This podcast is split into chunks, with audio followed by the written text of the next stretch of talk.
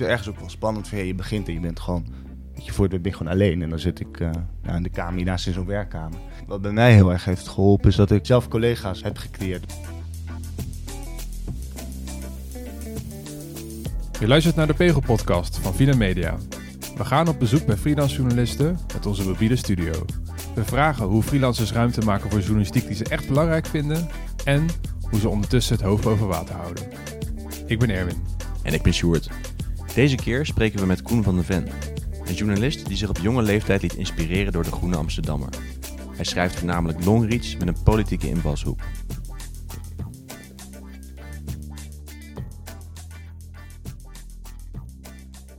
Uh, waar zitten we nu? Uh, nou, we zitten in, uh, in mijn woonkamer in Utrecht. Op, nou, wat is het? Drie hoog. de werkkamer hangt nu helemaal vol met posters van een project en waar we mee bezig zijn. Dus ik dacht, nou, misschien is dit ietsje ruimer met die hele studio van jullie. Wat zijn dat voor posters dan? Nou, we zijn bezig met um, een aantal vrienden van mij, maar ook uh, journalisten uit België en Duitsland. En mijn vriendin is dan weer grafisch vormgever. Om een eigen tijdschrift te maken over uh, Midden- en Oost-Europa. Dat is bijna af, maar goed, omdat mijn vriendin de vormgeving doet in de werkkamer, hangt dat nu helemaal vol met de plank en met pagina's en uh, nou, al die artikelen. Ja, ik heb wat werk van jou gelezen en Oost-Europa is sowieso een, uh, een passie van jou, geloof ik. Hè? Ja, nou, het komt in ieder geval de hele tijd terug. Ik ben uh, altijd wel heel erg politiek geïnteresseerd geweest. Ik hou van reisverhalen. dan moet ik ook zeggen, dat begint ook heel praktisch. Ik, was, ik moest op een gegeven moment afstuderen. Um, ik deed de school voor journalistiek, maar ik volgde daar van het laatste jaar een specialisatie in Europese politiek in Denemarken. En nou, op een gegeven moment zeiden ze heel ik weet niet eens meer, voor mij heb je zes weken of zo. Ik had zes of zeven weken.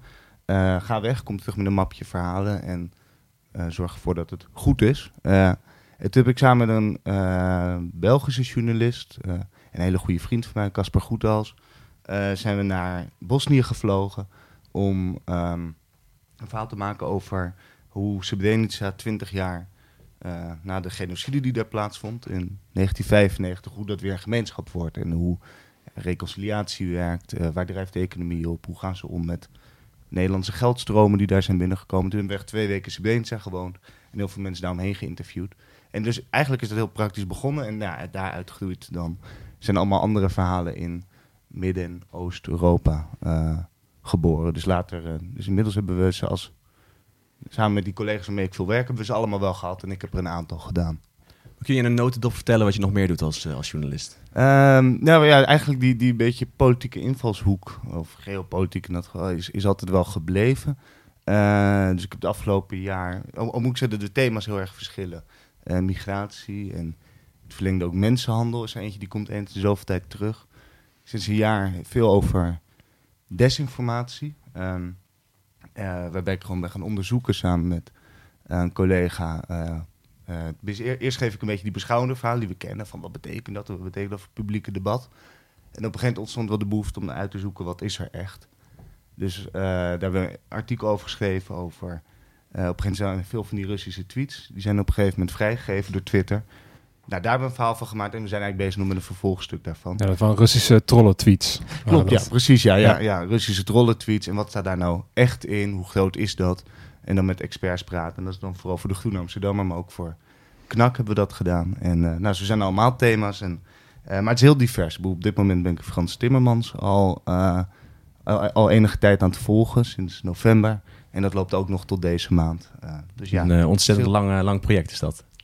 Ja. ja, ja, ja, ik ben ook niet oh. fulltime mee bezig, maar mm -hmm. het is wel eentje die heel leuk is. En ik gewoon zijn boek aan het lezen en allemaal vrienden, bekenden van me aan het spreken. En, en ook gewoon achter hem aan aan het lopen. Met, met, hij weet dat trouwens, is wel belangrijk om te Je bent niet die enge man in de bosjes. Nee, precies. Nee, nee, nee. nee, nee. Ja.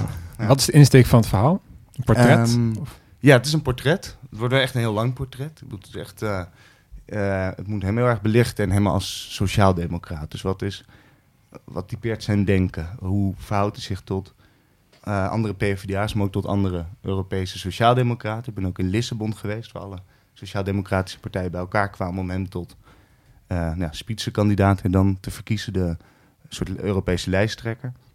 Dus daar praat ik ook met allemaal andere sociaaldemocraten. En het gaat heel erg over hem als persoon, maar vooral ook wel als denker en het type sociaaldemocraat dat hij is. Een rode lijn in, in jouw werk is dat je voor de Groene Amsterdammer werkt. Daar heb je hele nauwe banden mee, dat is wel duidelijk. Hoe is dat zo ontstaan? Uh, nou ja, eigenlijk... Um, nou, ik moet zeggen, het is sowieso... En dat is ook echt zo'n blad wat ik uh, ging lezen toen ik... Uh, op een gegeven zelfstandig werd, toen ik 18 was. En journalistiek ging studeren. Dus ik heb dat wel echt altijd... Het is echt wel een blad geweest wat ik ook altijd als lezer heel bijzonder vond. En waar ik, moet zeggen, door mijn opleiding en leren heen ook altijd uh, ben teruggekeerd als lezer. En toen ik uiteindelijk helemaal klaar was met studeren en freelancer werd, uh, was dat wel vrij snel het soort type verhaal dat ik wilde maken. Lang, onderzoekend, um, waar je ook echt heel erg de diepte in mag gaan. Je mag bij veel media de diepte in gaan, maar hier toch altijd net nog ook die hele abstracte laag raken. maar dan wel altijd zonder vind ik dan wel het gewone leven uit de ogen te verliezen. Dus daar zit ook reportage in. Maar ook verhalen. Zijn een beetje zo'n groot... Dat soort stukken, dat soort longreads maken. Ja, dat past heel erg. En dat is toen ik uh, dus echt weer terugkwam uit het buitenland in 2016. dacht ik ga nu freelancer worden. Heb ik eigenlijk heel snel bedacht. Van ik maak een soort waaier van verschillend werk. En daar zaten zij heel snel in. Omdat ik toen met uh, vrienden van mij, dus uit België en Duitsland hebben toen een groot onderzoeksproject gedaan. Uh, eigenlijk opnieuw weer in Oost-Europa, waar de grenzen van Kaliningrad, een heel klein stukje Rusland, dat geografisch gezien midden in Europa ligt, tussen Litouwen en Polen. En dat is een verhaal waarvan we toen, toen hebben we gewoon contact gezocht met de redactie, met de hoofdredacteur, Sandra is dat. En, uh, en dat gewoon voorgelegd en gevraagd van, dit zijn wij van plan. we waren daar ook de financiering van het verzamelen, was een heel duur project. En, en zij waren daar heel enthousiast over, hebben dat meteen ook heel erg gesteund. En, nodigde ons uit, wilde dat verhaal horen. En waren, vond ik ook zowel inhoudelijk als ook organisatorisch, hebben ze daarbij geholpen. En dat was eigenlijk de eerste keer dat ik in de Groene Amsterdammer stond. En daarna heb ik ook wel aangegeven van, goh, ik, uh, het bevalt mij en ik wil dit wel blijven doen. En zij zeiden ook, nou, blijf komen met je verhalen. Dus uiteindelijk is daar een soort, nou, op dit moment een soort draaidoor uit ontstaan. Dat ik af en toe voor ze werk en af en toe weer buiten de redactie. Maar dan doe ik wel onderzoeken. Uh, dus als ik zelfstandig ben, schrijf ik ook voor de duidelijkheid ook echt wel voor andere media. Maar wel, ik moet wel zeggen dat mijn denken over verhalen. Ik denk dan wel vaak aan de Groene Amsterdammer. Als ik ja, verhalen bedenk. Dat is wat je het liefste doet. Uh, ja, ja, op dit moment in ieder geval. Ik vind dat, ik bedoel, daar kan je echt die verhalen. Kan je zo mooi en groot opzetten. Ik, uh, wat trouwens ook wel vaak gebeurt, is dat ik dan hetzelfde verhaal ook maak voor een Belgisch tijdschrift of krant. Uh, bijvoorbeeld de Standaard heeft ook een heel mooi weekblad. Knak heb je natuurlijk. En dan worden de verhalen wel, moet ik zeggen, altijd wat korter. Of er verdwijnt een bepaalde laag uit. Maar dat zijn wel, nou ja, wordt het verhaal iets verbouwd. Ik hoor dat wel vaker, dat, uh, dat Nederlandse schrijvers ook voor Belgische media werken, omdat het qua lezers ook niet zo overlapt. En dat media dan ook niet zo kritisch zijn op, ja, op het feit dat er ongeveer hetzelfde verhaal ligt.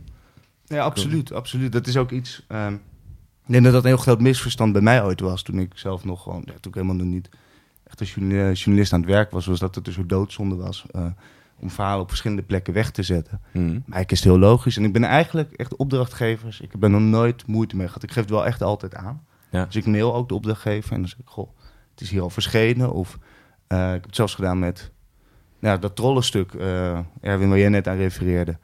Dat is een stuk, dat is eigenlijk het onderzoek daarvan, is gefinancierd door de Groene Amsterdam, het grote vooronderzoek. Uh, dus ik heb op een gegeven moment wel, toen wilde Knak, die wilde eigenlijk ook een versie van dat verhaal. Dus toen hebben we wel heel veel extra werk moeten verrichten. Maar je kan zeggen dat een deel daarvan is wel gefinancierd door het Fonds van de Groenen. Nou, dan geef ik wel even aan. En dan zeggen ze altijd, hey, good for you en super. En uh, is alleen maar mooi. En kijk, het is denk ik evident dat je niet in Nederland bij dezelfde kranten hetzelfde verhaal wegzet. Maar mm. die, die landsgrens, het is dus niet eens een taalgrens met Vlaanderen. wel een beetje, maar uh, ja, die zegt, die is keihard, die landsgrens. Ik bedoel, het is, een hele mooie journalistiek in België, maar het is... Uh, het komt niet hier en onze journalistiek eindigt wel iets vaker daar, maar ook niet heel veel. Dus hmm. dat kan heel makkelijk. En dan zelfs nog internationaal kan je het ook doen. Een verhaal gehad, het heeft um, op vier plaatsen gestaan. Heeft op Al Jazeera gestaan in Vrij Nederland. In Knak. Nee, volgens mij niet Knak. De Morgen was dat. En, nog een, uh, en toen ook nog een Vlaams uh, mannenblad. Maar dan toen wel helemaal herschreven. Ja. Mm -hmm. dus ja. Dat, uh, je had het net over een, over een waaier van werkzaamheden. En een van die werkzaamheden was uh, de Groene Amsterdammer. Hoe, hoe ziet dat er een beetje uit voor jou? Nou, op dit moment wel heel anders toen, dan toen ik startte. Uh, toen ik begon heb ik, nou ja, even voor de, voor de helderheid, dat ook, ook om even mezelf te, te plaatsen. Ik kwam terug uit, ik was na een journalistiekopleiding en toen ik journalistiek studeerde, werkte ik ook veel in de journalistiek. Daarna ben ik nog naar Schotland gegaan om de politieke theorie te studeren een jaar. En toen ik daarvan terugkwam, toen oké, ik wil wel echt... Nu moet ik gewoon een hele freelance praktijk gaan opzetten. Maar ik had wel altijd zoiets van, ja, ik wil, er niet, ik wil er niet arm van worden. Ik hoef er zeker niet rijk van te worden. Als het ooit gebeurt, graag hoor. Maar ik bedoel, dat is nooit een doel voor mij. Waarom dacht je dat je er arm van zou worden? Uh, nou ja, ik bedoel, ja, toch wel een beetje de doemverhalen. Ik denk het type journalistiek dat ik ambieerde. Ja, die grote verhalen waar je soms weken aan werkt. Uh, ja, dat was ook wel nieuw. Ik bedoel, hoe ga je dat doen? Ik heb natuurlijk wel... Toen bijvoorbeeld een afspraak gemaakt met de directrice van de Vereniging van Onderzoeksjournalisten. Gewoon met letterlijk de vraag, ik wil zulke grote verhalen maken, hoe ga ik dat doen? Nou, die gaf een heel lijstje met fondsen. Daar ben ik er nog altijd heel dankbaar voor. Uh, maar ik had toen wel zoiets van, oké, ik moet ook een soort... Ik hoef echt niet heel veel zekerheid, maar ik wil wel iets van zekerheid. Dus toen heb ik bedacht, uh, nou, dat soort verhalen zoals voor de Groene Amsterdam... dat werd ongeveer twee vijfde van mijn werk. Ik zeg het een beetje grosso modo. En dan had ik nog ehm, met RTL Z op een gegeven moment een hele leuke afspraak. Dat ik voor hun website gewoon redactiediensten deed. Echt maar een keer of acht, tien per maand. Dat vond ik eigenlijk best wel leuk en ook wel leerzaam. Ik bedoel, dat was niet mijn droom. Ik bedoel, dat zijn niet die lange, grote onderzoeksverhalen. Uh, maar dat was wel heel erg leuk. Heb ik ook heel veel van geleerd. En dat betaalde eigenlijk wel prima. En had ik nog een heel klein stukje werk. Dat heb ik eigenlijk in het begin gedaan. Daar heb ik op een gegeven moment wel weer mee gestopt na een half jaar. En dat, was, uh, dat kost me ook maar twee dagen per maand. Maar dat was ook voor een... Uh, dat was gewoon echt puur commercieel werk. dat ik voor een netbeheerder in Nederland schreef ik verhalen over duurzaamheid. En dat waren wel ongeveer ook wel stukjes van 1800, 2000 woorden. Maar dat kon ik vaak wel in een dag, anderhalve dag maken. Um, maar goed, ik moet heel erg zeggen, die betaalde per stuk 800 euro. Dus dat, weet je, dan ik één, twee ja. dagen was ik bezig. Was mijn uur binnen, was de basis binnen. En ja. dan kon ik daar weer op bouwen. En dat vond ik, het, zeker toen ik begon, heel prettig. Van ik heb gewoon die waaien en nu ben ik daar weer mee gestopt. Dus nu doe ik eigenlijk alleen nog maar dat werk wat ik heel belangrijk vind. Plus wel af en toe een beetje lesgeven of dat soort dingen. Maar dat is ook voor mijn experiment. Daar zit ik nu in om eens te kijken hoe, hoe gaat dat, hoe verloopt dat, kan dat. Wat geef je voor lessen dan? Journalistiek? Uh, ja, nou op, op de school voor journalistiek. Niet constant hoor, maar ik heb uh, nu twee keer een blok les gegeven. Um, en dat gaat dan eigenlijk inderdaad over... Uh, dat, ja, het was een be beetje opmerkelijk. Dat was eigenlijk bij een televisieredactie op de school voor journalistiek in Utrecht. Nou, ik ben helemaal geen televisiemaker. Maar uh, daar kom ik eens per week langs om met hen te praten over de website die ze bij het televisieprogramma wordt elke week uitgezonden op RTV Utrecht. En dan kom ik eens per week langs om te praten over hun website. Van, en het gaat dan vooral over uh, wie wil je bereiken, hoe bouw je je verhaal op, hoe breng je verdieping aan.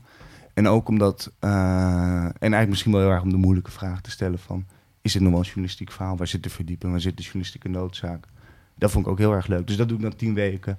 En dat is dan fijn. Dat is een soort vastigheidje wat er dan even bij komt. En, um, en ook nog wel op de Universiteit van Utrecht laatst. Uh, maar dan puur over desinformatie. Mm -hmm. Een lezing komen geven. Dat doe ik er wel af en toe bij. Maar dat, uh, dus ja, dat is een beetje op dit moment ja. de mix. En dus ook, uh, nou ja, wat ik zei. Dus ook weer zoeken van, van hoe, hoe gaat dat werken. En kan je inderdaad ook zonder die andere nou ja, takken die ik net noemde. Waarmee ik dan nu even ben gestopt. Hoe bevalt dat? Nou, wel heel goed. In de zin dat ik, merk, ik heb heel veel rust om aan die verhalen te werken. Um, en um, ja, dat, dat, dat is wel heel fijn. Hm. Ook om dan wat grotere projecten op te zetten. Ik ben nu dan bezig ook, bijvoorbeeld in december, en nu ben ik ook bezig om fondsen aan te vragen voor wat langere projecten in 2019. En dat is ook, nou, dat is dan misschien wel de uh, bijzondere relatie met de Groenen. Dat je, uh, ik ben eigenlijk freelancer, maar ik ben nu op dit moment, terwijl we praten, ben ik een aantal maanden in dienst. Gewoon ook om de redactie te versterken. Daar ook echt wel om verhalen te maken, naar te werken. Maar ook uh, om uh, projecten op te zetten.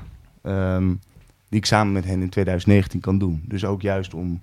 Nou ja, dat vind ik ook. Ze hebben daar op een gegeven moment gezegd. Nou, kom dan hier op de redactie je fonds aanvragen tikken. Gewoon in loondienst. Mm. Uh, en dat is wel heel fijn. Dat is een fijne wisselwerk. En dat geeft mij wel rust. Hoe lang ben je daar in dienst? nou, nu, nu vier maanden. Ehm, Uh, maar wel, eigenlijk was die dingen toch aan het tikken buiten de redactie. Ja, kom maar op de redactie doen. Ja. Dat is handiger. Uh, is voor mij wel fijn. is veilig. Ik bedoel, fondsaanvragen tikken is best taai. Ik vind dat tenminste altijd best wel taai. Ook het is wel fijn als je tussendoor even een praatje kan maken. Met ja, dat wil ik ja. delen met mensen. En ik, uh, ja, ik weet niet, ik merk wel dat, weet je, als je een journalistiek verhaal zet, dat herkennen jullie misschien. Ja, weet je, dan ga je op een gegeven moment met jezelf een beetje aan de aandacht. Daar verdwijn je in. Schrijvend en bellend. En, en bij fondsaanvragen is dat soms, vind ik gewoon lastig. Ik bedoel, dat is ja, je bent uh, heel erg... Dus, uh, iets, iets minder sexy dan een uh, fijne long ja, over, nee, precies. over politiek. Ja. Precies, ja, precies. Dus dat is, ja, absoluut. Ja. Ik wel mooi dat ze dat dan dat ze dat zo aanbieden. Een subsidieaanvraag schrijven is heel veel werk. En je weet ook niet zeker of een subsidie uiteindelijk toegekend wordt. Ja. Dus eigenlijk draagt de Groene Amsterdammer ook een beetje het risico van die tijdsinvestering. Ja, dat vind ik Ja, wel fijn. Ja, dat is wel eigenlijk- heel ja, netjes. dus je deelt het risico een beetje. Ja. Ja. dat vind ik ook heel fijn. Dus daar was ik ook wel blij mee met die oplossing. En Ja. ondertussen werk ik gewoon door aan andere verhalen. Dus het is best wel druk daar nu. En, eh, en ik moet nu weer voor mezelf kijken hoe ga ik binnen de redactie dat balanceren. Want je hebt één, aan de ene kant heb je dat hele lange termijn opdrachtje liggen van hey, Ja. die fondsaanvragen. En aan de andere kant eh, ben ik ook gewoon bezig met andere verhalen. Want zijn die fondsaanvragen ook voor projecten waar je zelf aan gaat werken? straks? Ja, ja, zeker. Ja. Dus het is heel erg eigenlijk, nou ja, ja zeker. Ja, Ja. Ja. dat is een hele mooie combinatie dan inderdaad. Dat je dat in vaste dienst kan doen. Ja, dat is en heel dan, fijn. daar dan Ja. straks ook weer eh, freelance werk uit haalt.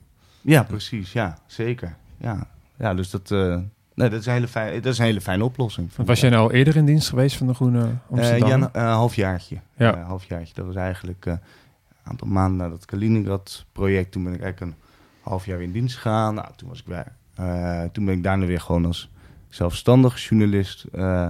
allemaal media, maar dat, voor de Groene knak de standaard. Eh, eigenlijk voor van alles. Eh, soms voor korte nieuwtjes, laatst iets in de Volkskrant.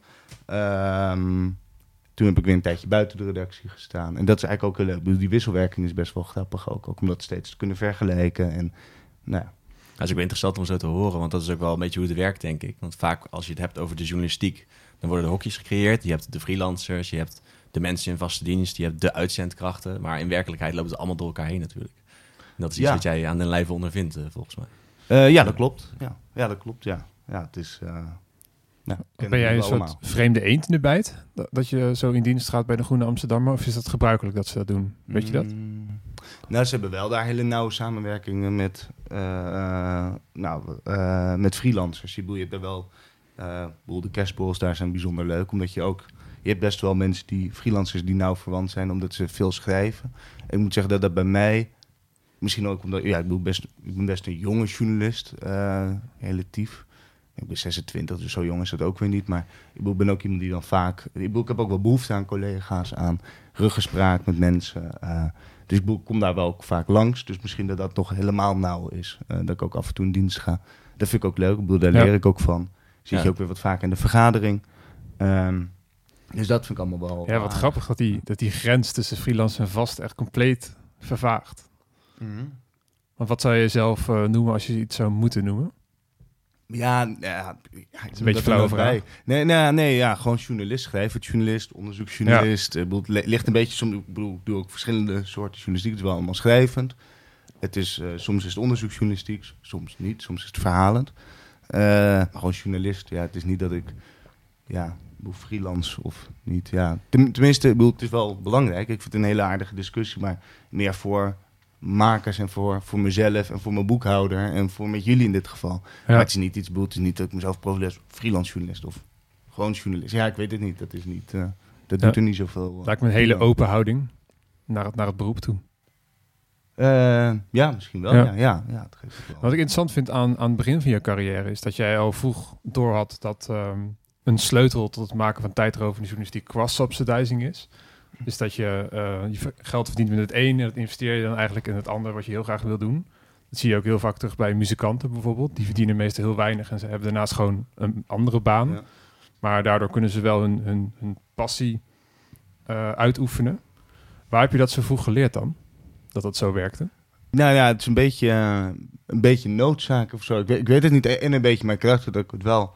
Ik, ik, bedoel, ik vind, heel, ik vind zo'n vrij bestaan best wel leuk. En ik vind het ook heel leuk om aan grote verhalen te werken. Eh, maar bij mij komt wel een soort... Ik bedoel, eh, ik vind het wel heel fijn ook als er wat geld binnenkomt. Dus Ja. het was, eh, ik denk wel praktisch. Ik bedoel, ik denk dat dat ook wel belangrijk is. Het is nooit zo geweest dat ik met het geld van... ehm, activiteit, de andere activiteiten financierde me bijvoorbeeld wel. Ik bedoel, laten we daar heel eerlijk over zijn. Mijn eerste grote reisprojecten of zo, die waren wel... eh, die speelde Kiet bijvoorbeeld. Was ook Ja. gewoon dat we daar minder handig mee waren. Dat, ik gaf net het voorbeeld van Kaliningrad. Ja, daar was... Ik denk dat we acht- 8000 euro aan subsidie hadden. Ja. Ja, dat is allemaal op gegaan. Eh, in goede dingen. In de beste fixers, goede vertalers. Het huren van auto's. eh, drie landen, drie journalisten en een fotograaf. Eh, maar goed, daar ben je dan ook heel trots op. Ik bedoel, dat, dat stond. En langzaam word je daar ook wel handig in. Dat je eigenlijk ook letterlijk gewoon in je begroting leert schrijven. Dat je er ook aan mag verdienen. Ik bedoel, dat wist ik in het begin niet eens bij zo'n subsidieaanvraag. Ik dacht, ja, dat vinden ze misschien gek als je jezelf ook nog betaalt. Nee, natuurlijk niet. Nee. Ehm, Ja. en dat- maar dat was wel fijn. En, de boel, en, dat is, eh, en dan gaf je bijvoorbeeld, nou, wat ik zei, ook een regeling met RTL Z destijds. De boel geeft dan ook vrijheid. Ik had met hen letterlijk de afspraak dat ik een maand van tevoren mijn beschikbaarheid voor de volgende maand doorgaf. Dat ik hen niks verplicht was en zij eigenlijk niks aan mij. En zo kon ik eigenlijk altijd, eh, had ik altijd, eh, ja, als ik wel eens een maand had, dan kwam ik inderdaad terug na een maand reizen. Nou, dan verdiende je echt niet zoveel.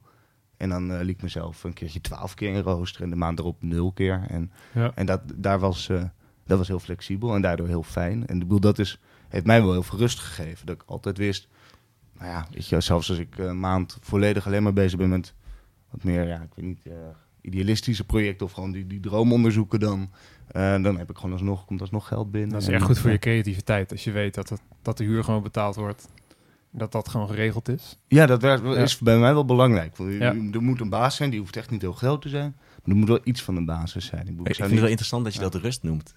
Ik denk dat iemand die gewoon gewend is om een vast contract te hebben, die ziet dit als een enorme chaos en een enorme onzekerheid.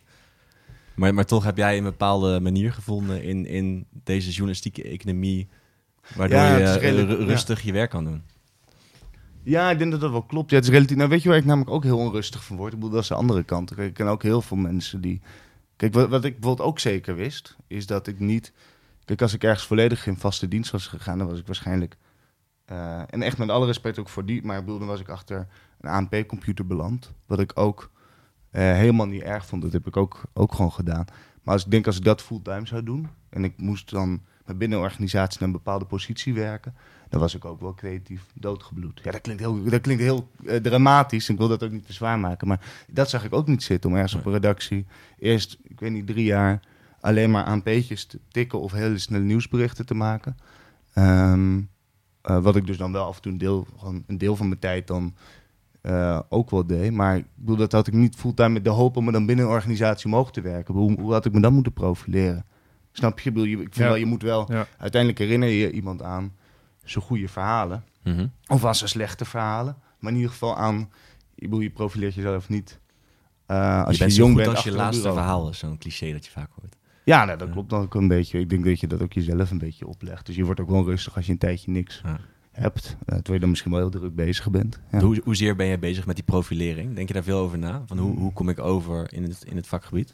Eh, dat is wel een goede vraag. Dat is een, be- het is een, beetje, het is een beetje dubbel. Het is echt niet zo dat... Kijk, ik ben, ik ben ook niet... Ik zit wel op Twitter en daar deel ik wel eens wat. Maar ik ben ook niet iemand die de hele dag bezig is met zichzelf zo, zo neerzetten. Dat lijkt me ook heel ongemakkelijk. Eh, maar ik bedoel, ik ben wel bezig. Ik bedoel, laat ik daar ook heel eerlijk als, als, als mijn verhaal is gepubliceerd, het is een verhaal waar ik lang aan heb gewerkt, ja, dan merk ik toch, en dan zit je toch de dag erop gewoon wel te scrollen van hoe landt het? Hoe wordt erop gereageerd?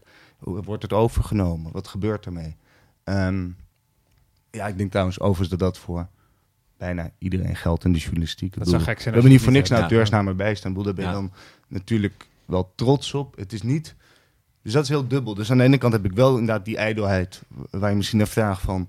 van vind je dat belangrijk? Ja, ik vind het heel belangrijk hoe zo'n verhaal landt. Maar het is niet zo dat ik...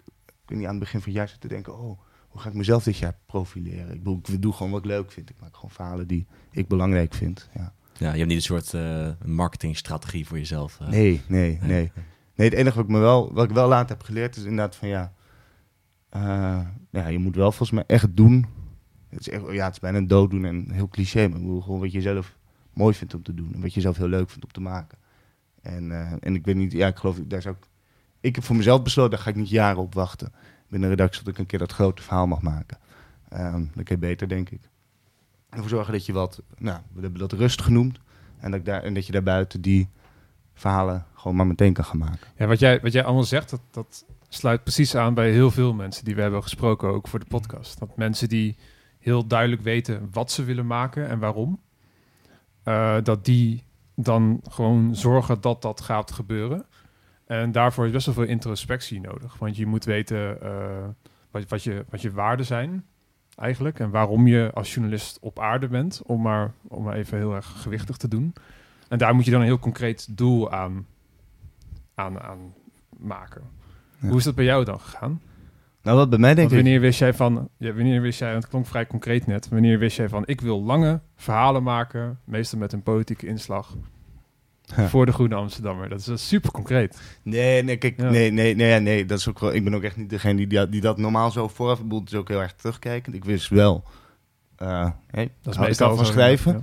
Ik hou van. Ik bedoel, ik hou zelf van die lange, mooie verhalen. Van nou, wat we een long reads noemen. Ik heb een politieke interesse. Ik bedoel, eh, en nogmaals, mijn verhaal ligt niet altijd heel dik bovenop, maar je kan wel zien, het vaak wel, het relateert wel daaraan of aan hoe mensen een samenleving inrichten. Ehm, en wat voor mij denk ik heel belangrijk is geweest, dat heb ik me trouwens wel destijds gerealiseerd. Van, ik vond het best wel, het is ergens ook wel spannend van, je begint en je bent gewoon, weet je, voor het ben je gewoon alleen. En dan zit ik eh, nou, in de kamer, hiernaast in zo'n werkkamer. Ehm, wat bij mij heel erg heeft geholpen, is dat ik ehm, zelf collega's heb gecreëerd. Dus normaal heb je op een redactie heb je collega's. En ik heb toen met, ehm, nou eigenlijk oude studiemaatjes, eh journalist uit België, die journalist uit Duitsland, eh, hadden we, een schrijverscollectief opgericht. Dat heet de Caravans Journal. En daar, en, eh, dat heeft een Engelse naam ook, omdat we nou ja, leden hebben uit verschillende landen. Ehm, en, en daarbinnen hebben we projecten met elkaar gedaan. En daarbinnen zoeken we feedback. Dat was ook wel nadrukkelijk ehm, de opdracht aan elkaar.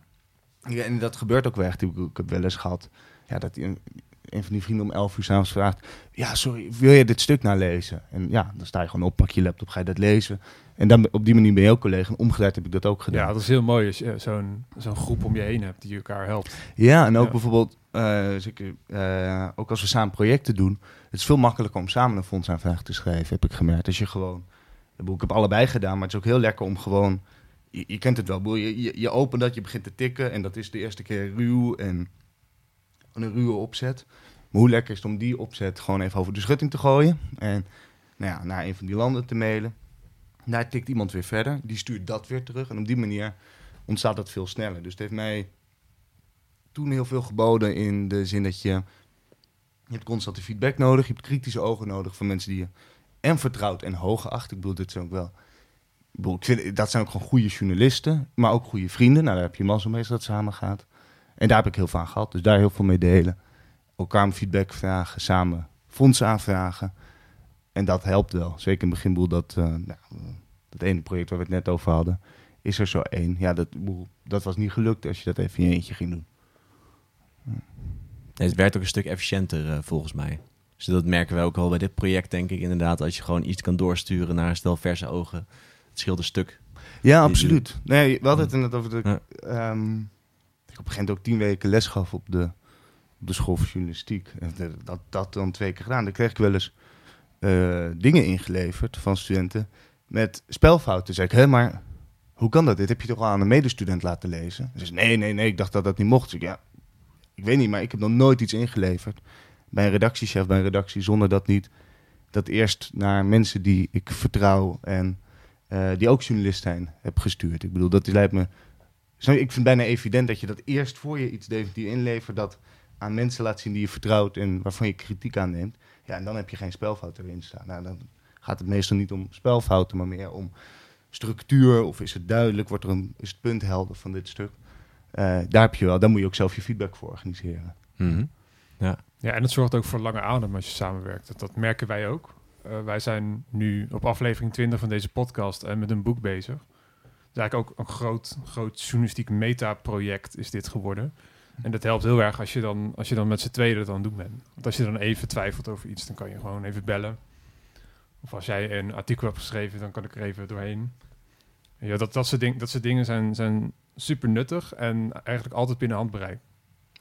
Ja, absoluut. Ja, Ja. absoluut. En zelfs, ja. De- En de grap is dat is zelfs als je samenwerkt en ook, heb ik gemerkt, zelfs als je niet samenwerkt, dus als met die, die mensen die ik net noem, weet je, we- ja, ik bel we- wekelijks bel je met elkaar. Tenminste, wij doen dat ook wel eens gewoon lopend. En dan bespreek je, waar ben je mee bezig? Welke vragen leveren in mijn hoofd? Wat, wat wil ik nu naar artikel gaan vertalen? En dan help je elkaar. Dus dat is heel, dat is heel leuk. Ja. Eh, en eh, dat is op een gegeven moment dat je in de redactie zit. Dus nu doe je dat veel meer ook weer met collega's. Maar ik denk zeker als je freelancer bent, dat is... eh, ik, ik bedoel, laat ik het vooral persoonlijk houden. Ik vond dat heel belangrijk om, om dat te hebben. Een soort van collega's, eh, in ieder geval op afstand dan. Mhm. Maar dat is prima. Ja. Ja, zo'n cliché-tip in de journalistiek is altijd eh, zorg dat je een goed netwerk hebt. Ehm, het, ligt, het ligt best wel complex, want we hebben het al over verschillende soorten relaties gehad. Relaties met opdrachtgevers, relatie met eh, vakgenoten. Wat zou je voor tip geven aan jonge startende journalisten die zich ook beter willen verhouden tot hun vakgenoten bijvoorbeeld? Ja, dat is wel grappig. Ja, ook dat is meer, ik bedoel, dat is ook meer intuïtief, denk ik, dan dat ik dat heel erg zo achter, achter mijn bureau zo bij elkaar zit te plotten van hoe ga ik een netwerk bouwen? Weet je, Hmm. ja, ja, eh, ja, ik kan eigenlijk alleen maar clichés verzinnen. Ja, ik bedoel, doe wat je leuk vindt, ga naar borrels die je leuk vindt, maar ook alleen als je dat inhoudelijk leuk vindt.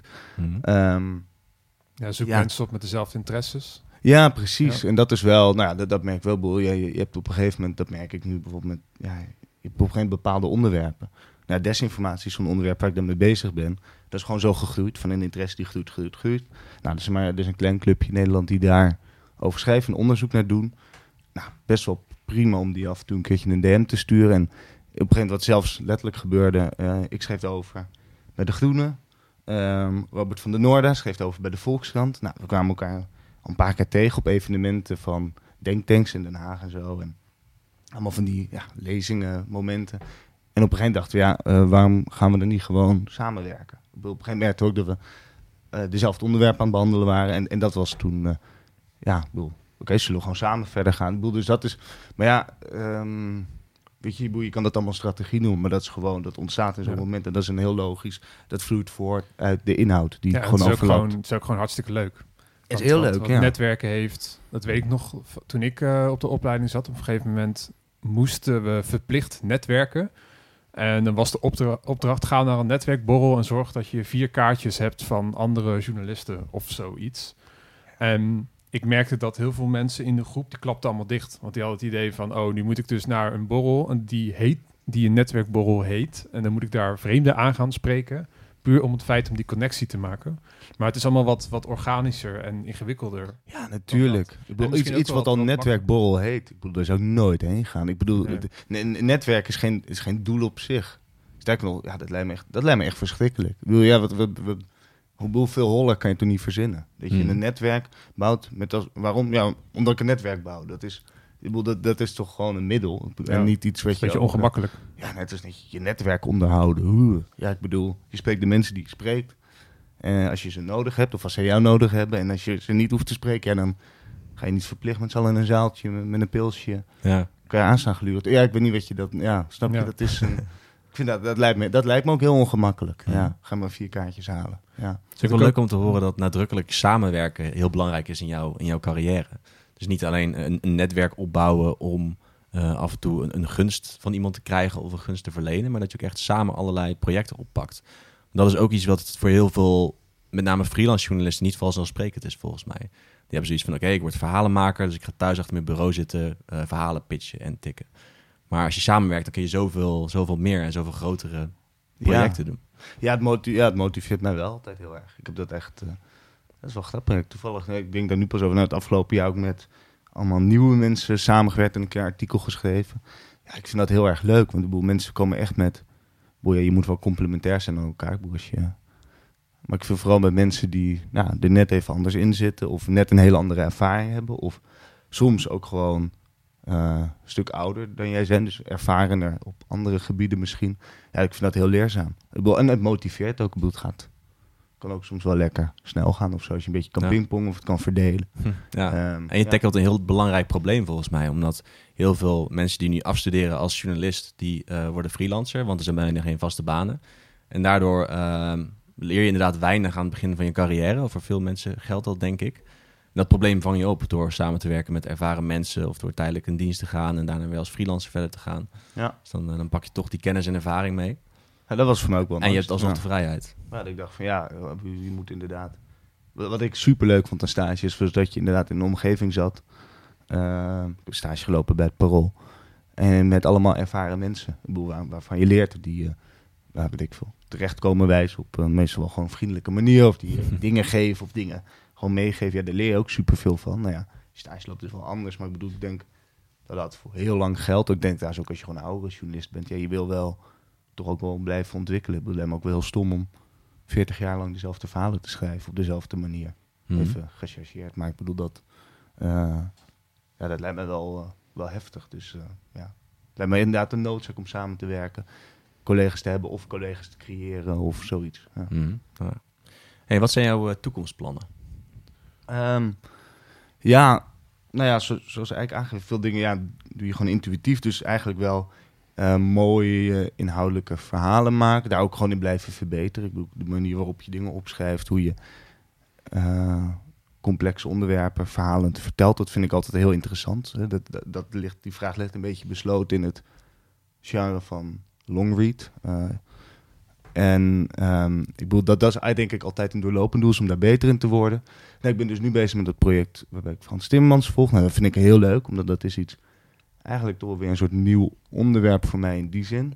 Om eens een keer ja, iemand in ik 5000 woorden echt goed te portretteren. En ook daar weer een spanningsboog in te brengen. Nou, dat, Mhm. dat is Ja, eind deze maand klaar. Ja.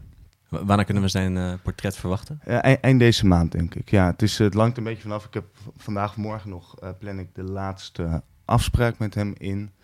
Eh, er staat al heel veel en ik denk dat er, zodra ik terugkom, dan schrijf ik dat heel snel af en dan, eh, dan is het klaar. Ja.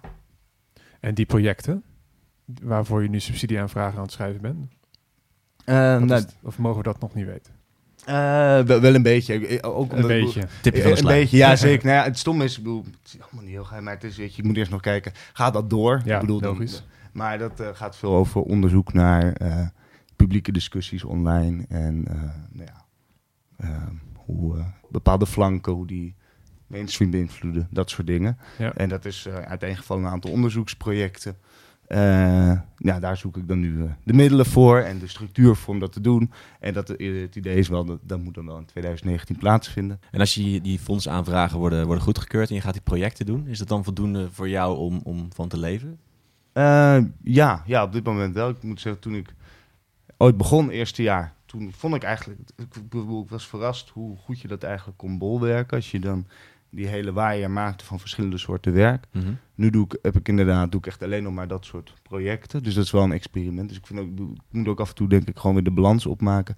Tot nu toe gaat dat goed. Ik, bedoel, ik ben wel echt, ik ben wel op achteruit gegaan, merk ik, in, in omzet. Ehm, voorlopig vind ik dat ook helemaal niet zo erg. Want ik ben Mhm. wel alleen maar bezig met wat ik heel erg leuk vind. Maar je hebt wel vertrouwen in dat je dit wat je nu doet ook kan, kan volhouden. Ook als je straks niet meer in dienst bent. Oh ja, dat- oh zeker, ja Mhm. zeker, oh zeker, ja zeker. En eh, ja, eh, nee eigenlijk, ja, eigenlijk zonder twijfel, ja.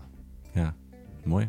Lijkt me een mooie afsluiter voor deze, deze podcast. Ja, bedankt dat we langs mochten komen. Ja, nou dank dat jullie langskwamen, heel leuk. Ik ben benieuwd naar het boek. Je luisterde naar de Pegel Podcast. Dit was alweer de laatste reguliere aflevering waarin we op bezoek gingen bij een freelance journalist.